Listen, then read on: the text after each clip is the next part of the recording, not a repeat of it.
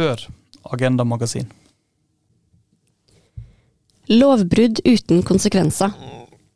Hvilken rettssikkerhet har vi som innbyggere når kommuner kan bryte lovverk uten at det får konsekvenser?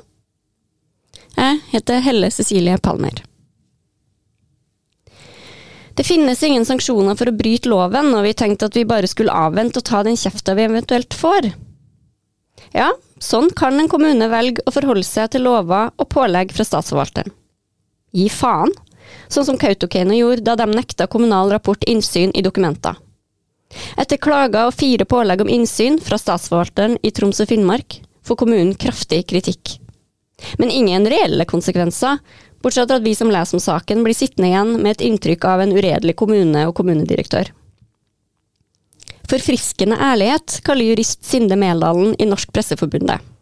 Det har han rett i. Jeg er ikke så bekymra for Kautokeino's praksis. Nå vet vi hvordan de driver, og vi bør forvente at kommunens politikere tar affære etter avsløringa. Nei, jeg er mer bekymra for at Kautokeino langt fra er den eneste, eneste kommunen som driver sånn. Og det bør bekymre deg også. For det stemmer at statsforvalterne ikke har noen gode sanksjonsmuligheter overfor kommuner som begår lovbrudd av denne typen. I Kautokeino kan innsynsnekten i verste fall skade pressefriheten og demokratiet.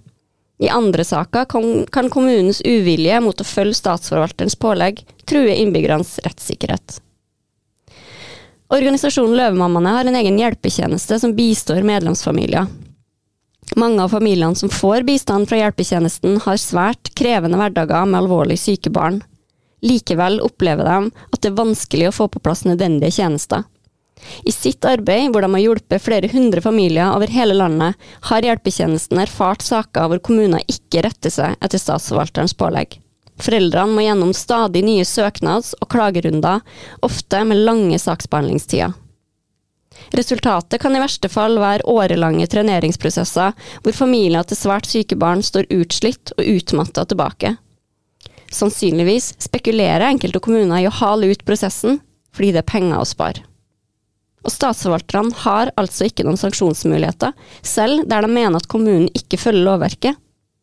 Kommunen kan fortsette praksisen uten konsekvenser. Unntaket er hvis saken er så alvorlig at den sendes til Statens helsetilsyn, som kan komme med en administrativ reaksjon. Løvemammaene sendte et varsel til en rekke departementer og offentlige instanser, men fikk knapt svar. Bård Hoksrud fra Frp spurte hva helse- og omsorgsminister Ingvild Kjerkol syns om saken, men lite tyder på at noen endring vil skje.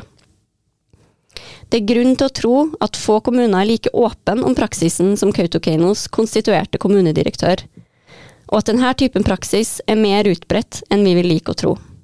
Derfor er det helt nødvendig at statsforvalterne får reelle sanksjonsmuligheter, sånn at lovbrudd får svi for kommunene, sånn som det gjør for oss andre. For ordens skyld så er undertegnede varamedlem til sentralstyret i Løvemammaene.